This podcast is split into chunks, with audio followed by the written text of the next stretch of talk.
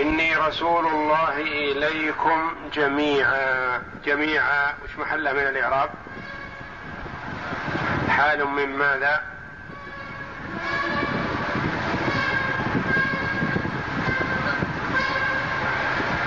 حال من الضمير التي هي الميم رسول الله إليكم جميعا. الذي له ملك السماوات والأرض الذي اسم موصول محلها من الإعراب. محلها من الإعراب.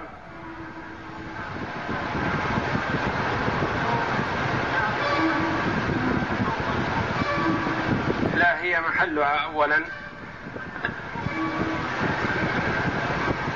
قبل النصب والجر صفة. صفة لاسم الكريم.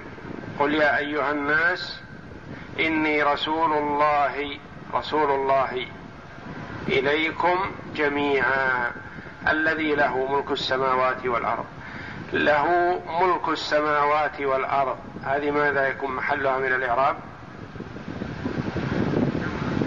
صلة. صلة الموصول. الذي له ملك السماوات والأرض لا إله إلا هو.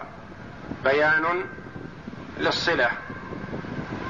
يحيي ويميت بيان لما قبلها.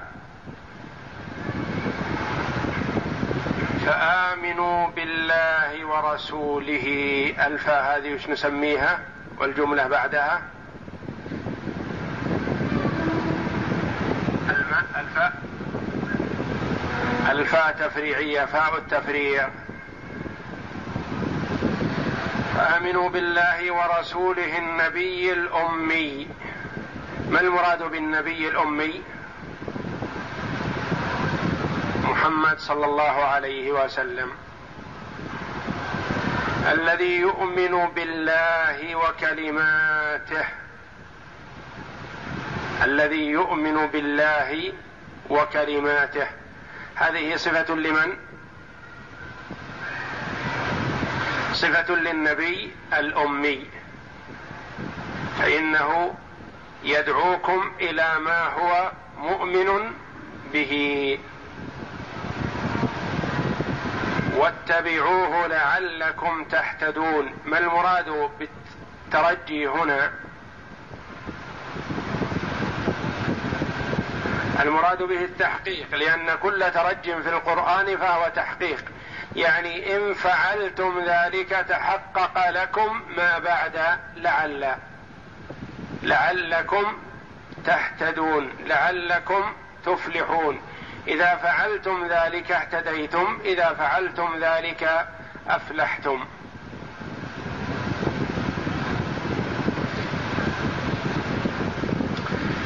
قوله جل وعلا ومن قوم موسى أمة يهدون بالحق وبه يعدلون.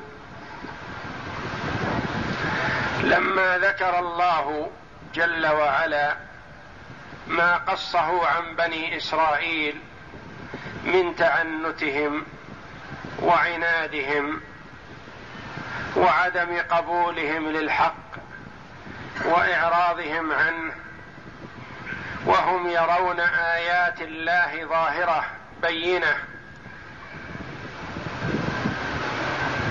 يرون ما يستوجب عليهم الإيمان والتصديق لكنهم كانوا يعاندون ويردون الحق ولا يقبلونه. كانوا بهذه الصفة كلهم أم أغلبهم وأكثرهم بل أكثرهم. وفيهم من هو مهتد. فيهم من هو يقبل الحق ولا يرده. فيهم من يدعو إلى الخير والصلاح والهدى.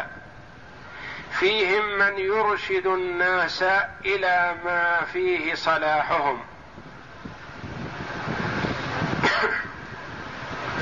وبين جل وعلا هؤلاء بقوله ومن قوم موسى أمة يهدون بالحق وبه يعدلون. ليس كل بني إسرائيل يرد الحق ولا يقبله بل فيهم من هو يقبل الحق ويؤمن به ويعمل به ويدعو إليه ويحكم به. وهم هؤلاء. ومن المراد بهؤلاء؟ أهم أناس آمنوا بموسى عليه الصلاة والسلام واتبعوه وعملوا بشرعه واقتفوا أثره حال بعثته وبعد ذلك. أم المراد بهم عبد الله بن سلام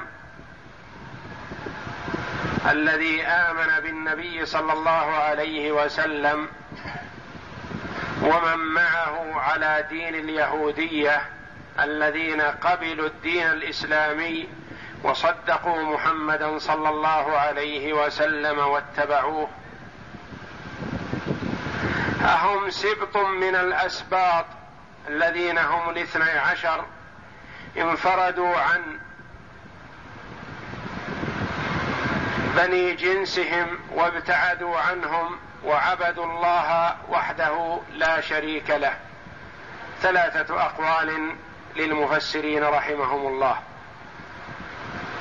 فقيل هم جماعة آمنوا بموسى عليه الصلاة والسلام واتبعوه وعملوا بشرعه. فليس كل بني إسرائيل تكبر عن الحق ورده.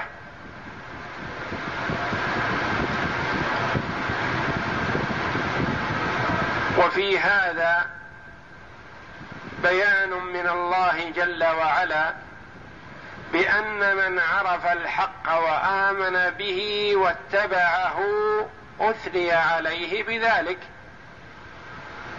ولا يضيره أن جماعته وبني جنسه ردوا الحق. لا يضيره ما دام هو متمسك بالحق. فأثنى الله جل وعلا على جماعة من بني إسرائيل في زمن موسى وبعده تمسكوا بالحق.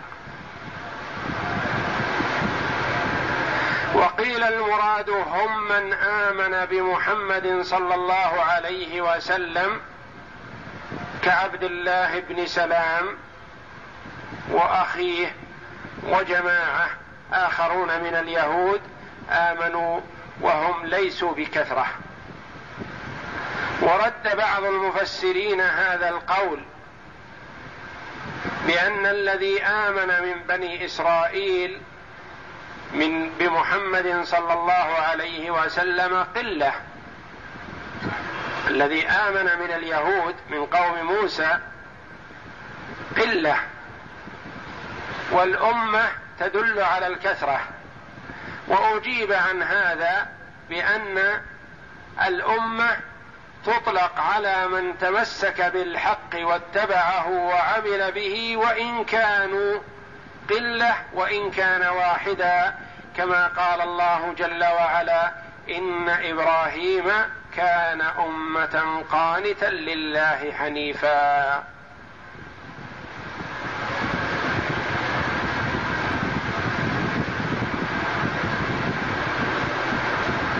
وهذا قريب من الصواب والله أعلم. ويكون في هذا ترغيب لمن رد الحق من اليهود زمن بعثته صلى الله عليه وسلم. فقد آمن عبد الله بن سلام وجماعة معه آمنوا بالنبي صلى الله عليه وسلم فأثنى الله عليهم بذلك ولعل فيه ترغيبا لآخرين لعلهم يؤمنوا. ومن قوم موسى أمة يهدون بالحق وبه يعدلون. وقيل المراد بهؤلاء هم سبط من الاثني عشر. لما كفر قومهم وقتلوا أنبياءهم دعا هؤلاء السبط ربهم جل وعلا بأن يباعد بينهم وبين الآخرين. ففتح الله لهم نفقا في الأرض فساروا فيه وخرجوا على بلاد الصين. وعاشوا هناك يعبدون الله وحده. وهذا قول ضعيف. وإن نقل عن بعض المفسرين لكن لا سند له.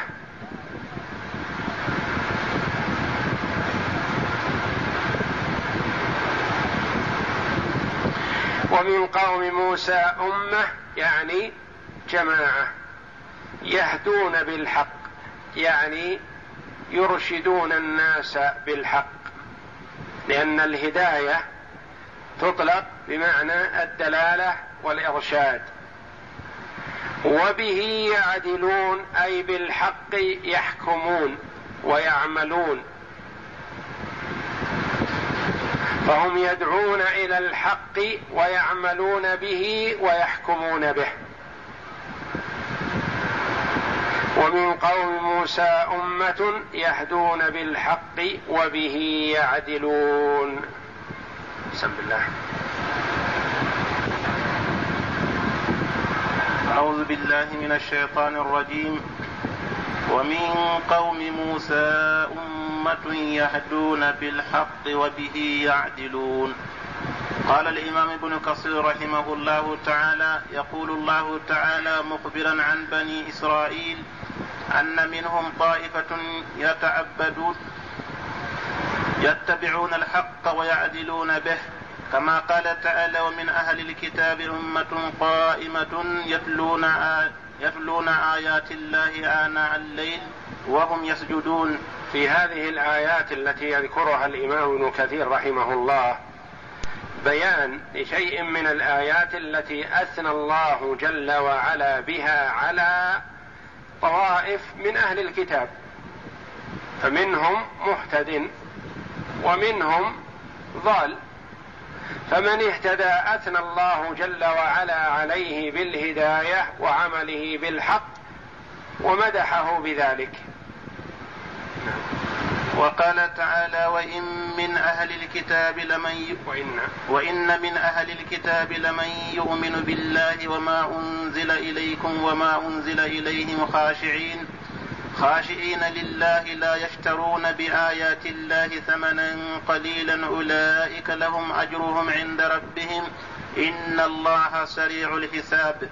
وقال تعالى الذين آتيناهم الكتاب من قبله هم به يؤمنون. وإذا يتلى عليهم قالوا آمنا به. قالوا آمنا به إنه الحق من ربنا إنا كنا من قبله مسلمين. أولئك يؤتون أجرهم مرتين بما صبروا الآية وقال تعالى الذين آتيناهم الكتاب يتلونه حق تلاوته أولئك يؤمنون به. الآية وقال تعالى إن الذين أوتوا العلم من قبله إذا يتلى عليهم يخرون للأذقان سجدا ويقولون سبحان ربنا إن كان وعد ربنا لمفعولا. ويخرون للأذقان يبكون ويزيدهم خشوعا. وقد ذكر ابن جرير في تفسيرها خبرا عجيبا فقال حدثنا القاسم قال حدثنا الحسين قال حدثنا حجاج عن ابن جريج قوله ومن قوم موسى أمة يهدون بالحق وبه يعدلون قال بلغني أن بني إسرائيل لما قتلوا أنبياءهم وكفروا وكانوا اثنى وكانوا اثني عشر سبطا تبرأ سبت منهم مما صنعوا واعتذروا وسألوا الله عز وجل أن يفرق بينهم وبينهم ففتح الله لهم نفقا في الأرض فصاروا فيه حتى خرجوا من وراء السين فهم هنالك هنفاء مسلمين يستقبلون قبلتنا قال ابن جريج قال ابن عباس فذلك قوله وقلنا من بعده لبني إسرائيل اسكنوا الأرض فإذا جاء وعد الآخرة جئناكم لفيفا جئنا بكم لفيفا ووعد الآخرة عيسى بن مريم. قال ابن جريج قال ابن عباس ساروا في السرب سنة ونصفا. وقال ابن عيينة عن صدقة أبي أبي الهزيل عن سدي. ومن قوم موسى أمة يهدون بالحق وبه يعدلون. قال قوم بينكم وبينهم نهر من شهد.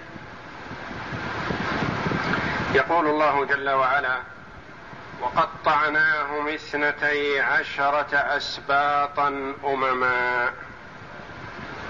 هذه الآيات كلها تقدم تفسيرها في سورة البقرة بشيء من التقديم والتأخير في ترتيبها وإلا فجميع ألفاظها قد تقدم ولا مانع من الكلام عنها عليها باختصار وعلينا الرجوع إليها في تفسير سورة البقرة.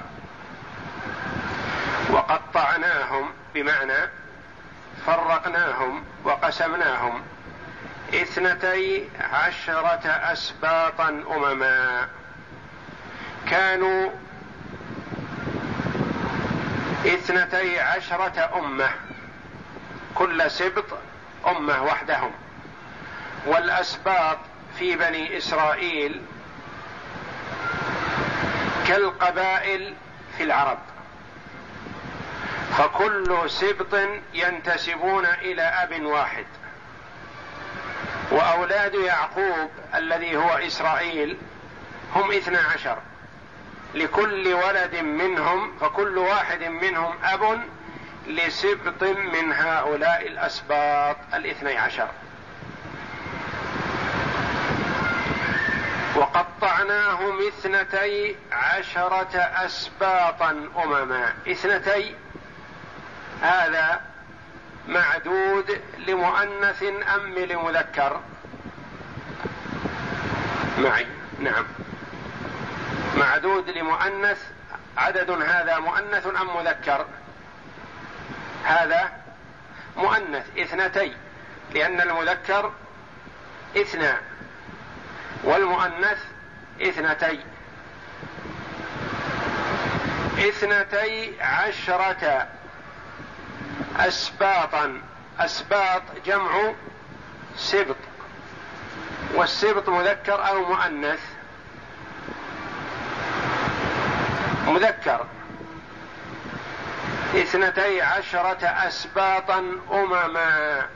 أمما جمع أمة والأمة مذكر ولا مؤنث؟ مؤنث. إذا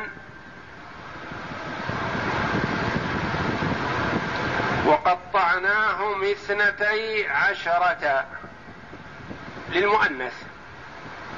وأسباط جمع. وهو مذكر. وتمييز العدد إذا كان أقل من عشرة يكون جمعا. عشرة فما دون. تقول عشرة رجال وسبعة رجال وخمسة آلاف وستة آلاف.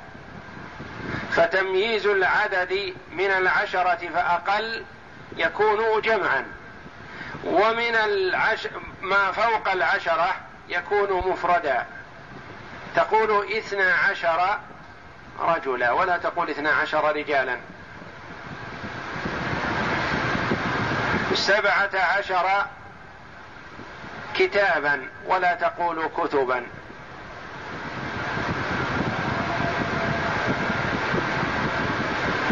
اثنا عشر رجلا واثنتي عشرة امرأة. فتمييز العدد مما فوق العشرة يكون مفردا. وهنا اثنتي فوق العشرة. وجاء تمييزه مذكرا مجموعا. وتمييز الاثنتي يكون مؤنثا ويكون مفردا. إذا أسباطا أهي تمييز لاثنتي عشرة أم لا؟ الصواب لا. وإنما تمييز الاثنتي عشرة هو دل عليه السياق ودل عليه ذكر الأمم فيما بعد. ماذا يكون؟ اثنتي عشرة أمة.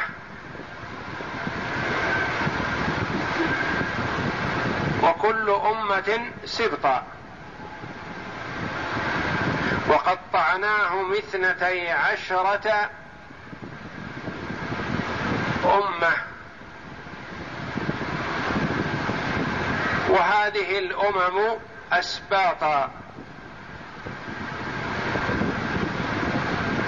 ودل على التمييز المحذوف هو ذكر الأمم فيما بعد.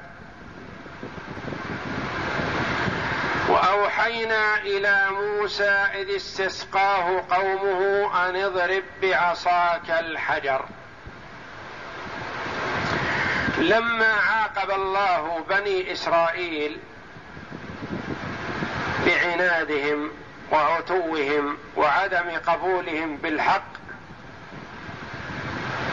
حكم الله عليهم بالتيه أربعين سنة يتيهون في الأرض تأديبا لهم.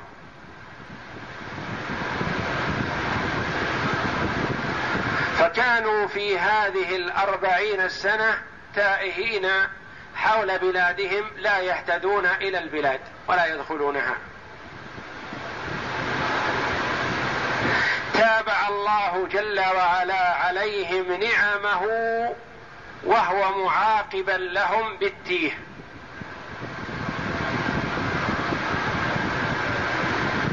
فحينما طلبوا الماء من موسى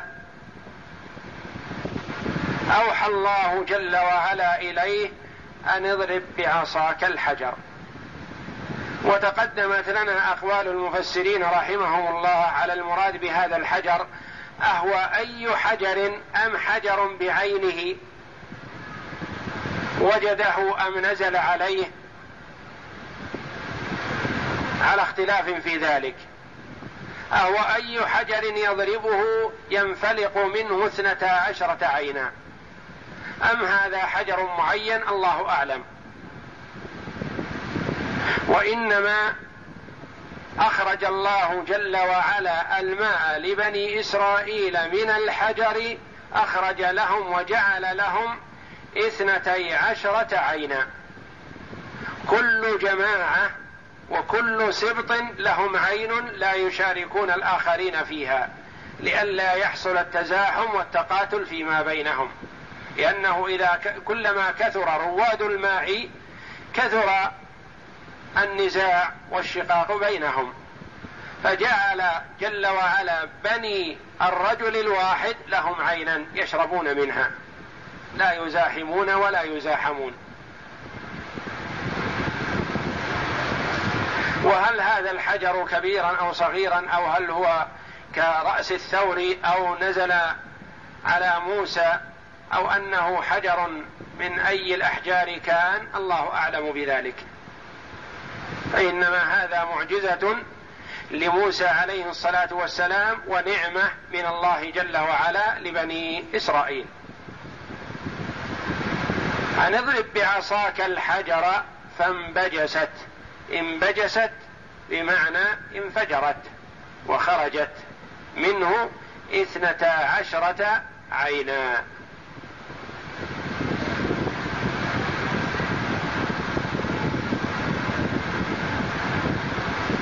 قد علم كل أناس مشربهم. كل سبط من الأسباط الاثني عشر علم عينه فلا يزاحم على العيون الأخرى. وظللنا عليهم الغمام. هم في التيه يسيرون في الأرض. ما يستقرون.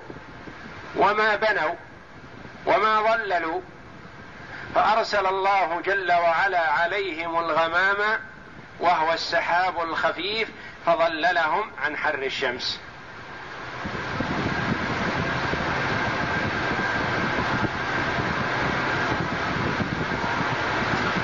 وظللنا عليهم الغمام وأنزلنا عليهم المن والسلوى. هذا الماء من الحجر. والظل من الغمام. ظلل الله عليهم بالغمام. والطعام هو المن. واللحم هو السلوى.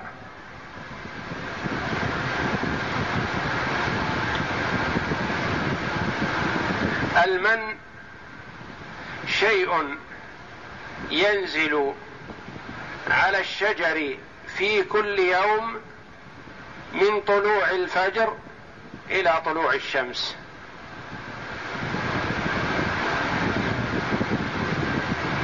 وقد ذكر المفسرون رحمهم الله في صفته ونوعه أقوالا كثيرة.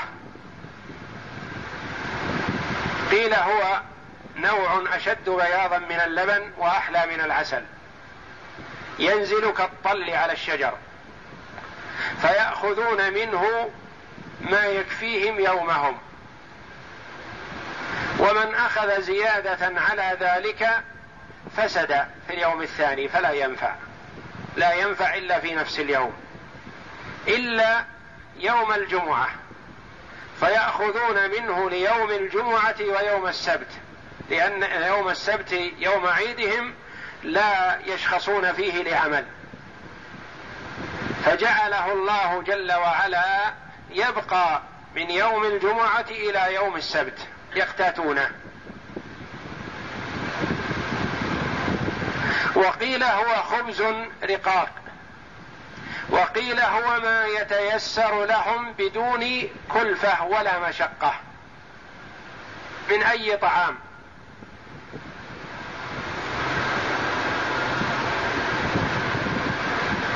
وأنزلنا عليهم المن طعاما لهم والسلوى نوع من الطير الصغار يأتيهم فيصيدونه بسهولة ويسر فيمسك الرجل الطير فإن وجده سمينا ذبحه. وإن وجده ضعيفا أرسله ثم عاد إليه في اليوم الثاني. طيور صغيرة بحجم العصافير. وتسمى يسمى نوعها السماني أو السمان. طيور صغيرة بقدر العصافير. يأخذ منها الرجل كفايته. في يومه بسهولة ويسر. وإن أخذ أكثر من ذلك واستبقاه فسد وما نفع. وفي اليوم الثاني تأتيهم كذلك. فأدر الله عليهم الرزق والنعم. في حالة أنه عاقبهم جل وعلا بالتيه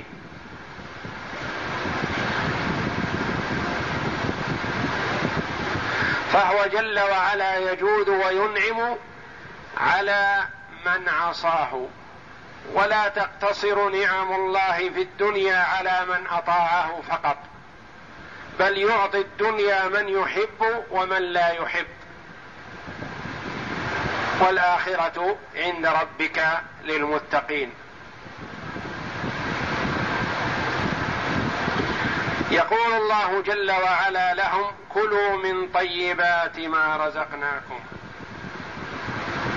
كلوا من طيبات ما رزقناكم. أنعم الله عليهم بهذه النعم وأمرهم أن يأكلوا منها ويشكروا الله جل وعلا. يقول سبحانه وما ظلمونا ولكن كانوا أنفسهم يظلمون. المرء ايا كان إذا عصى الله هل يكون ظلم الله؟ هل ضر الله شيئا؟ هل نقص ما عند ما عند الله؟ هل نقصت عزة الله وجلاله وكبرياؤه؟ لا والله. فالمرء إذا عصى من ضر ومن ظلم ما ضر إلا نفسه وما ظلم إلا نفسه.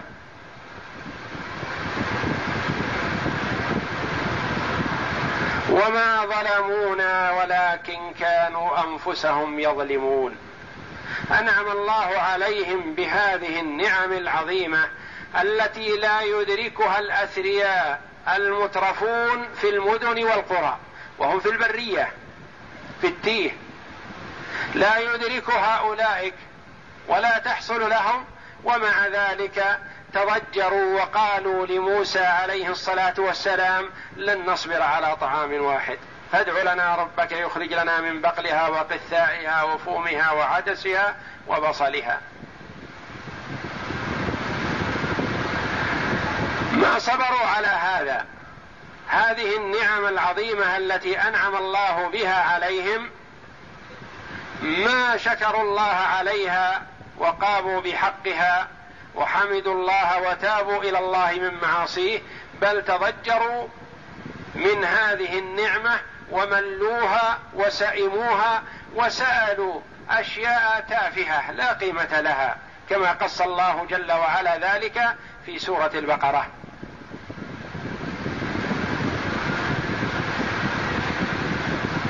طلبوا أشياء تافهة البصل والثوم وغيرها. بدل المن والسلوى الذي هو ألذ طعام وأحسنه.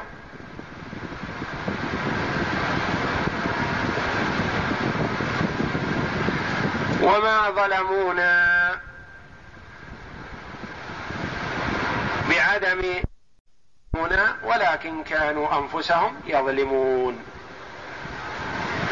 فكل من عصى الله جل وعلا فقد ظلم نفسه.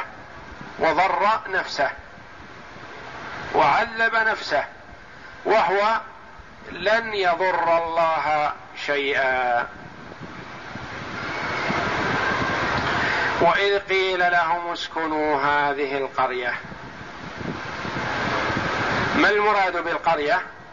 بيت المقدس.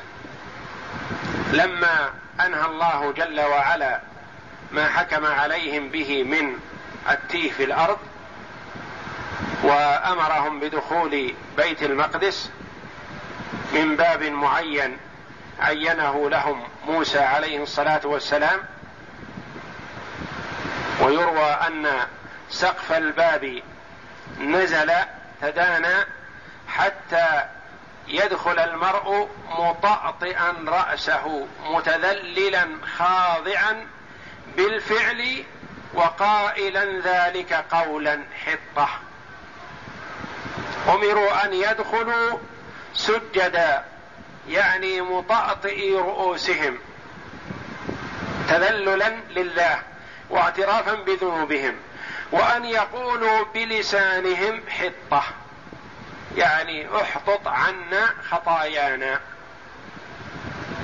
ويقول بعض المفسرين إن هذا الباب موجود إلى الآن يعرف في بيت المقدس في القدس يسمى باب حطة.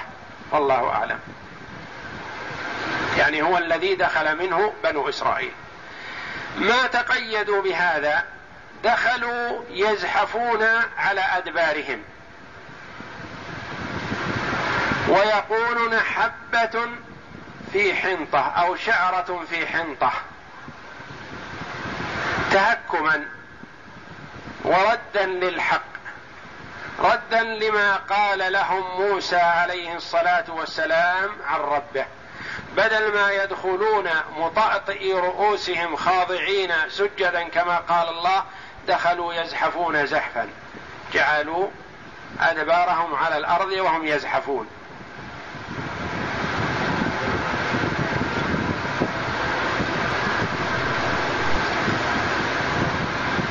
وقولوا حطة يعني إذا قلتم ذلك وفعلتم ذلك إذا فعلتم دخلتم سجدا وقلتم هذا القول غفر الله لكم جل وعلا خطاياكم.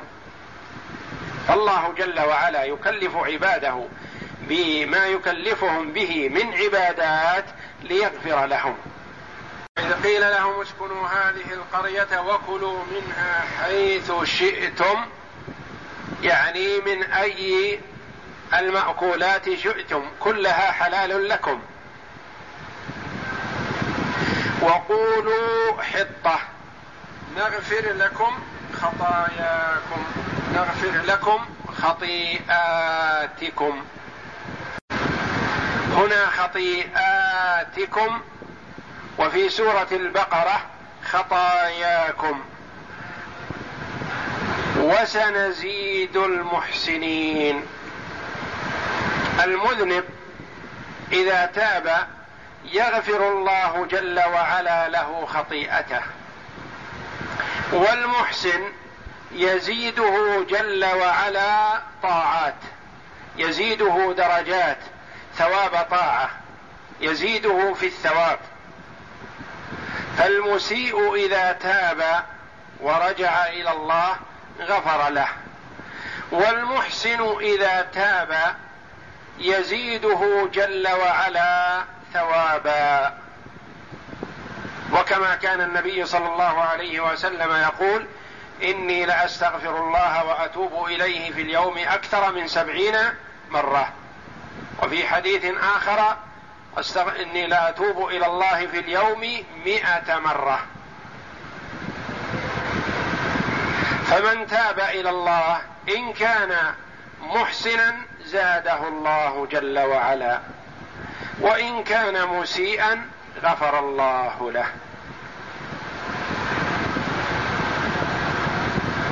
فبدل الذين ظلموا منهم قولا غير الذي قيل لهم. بدلوا ما قيل لهم. بدلوا القول وبدلوا الفعل. بدلوا القول بأن قالوا حبة حنطة. أو غير ذلك من الألفاظ الواردة عنهم. وبدلوا الفعل من أن يدخلوا سجدا يعني ركوعا متذللين خاضعين دخلوا يزحفون على أستاههم. فبدل الذين ظلموا منهم قولا غير الذي قيل لهم. وفي هذا دلالة على أن ليس كلهم ظلم بل فيهم من ظلم وفيهم من اقتفى. أثر موسى وأطاعه فيما قال له. فأرسلنا عليهم رجزا من السماء بما كانوا يفسقون. فأرسل الله عليهم العذاب بعدما لم يرعوا ولم يتوبوا إلى الله. أرسل الله عليهم الرجس الذي هو العذاب تعذيبا لهم. والله جل وعلا يمهل عباده إذا أساءوا لعلهم يتوبوا إليه لعلهم يرجعوا لعلهم يندموا على ما فعلوا فإذا لم يفعلوا أخذهم جل وعلا أخذ عزيز مقتدر.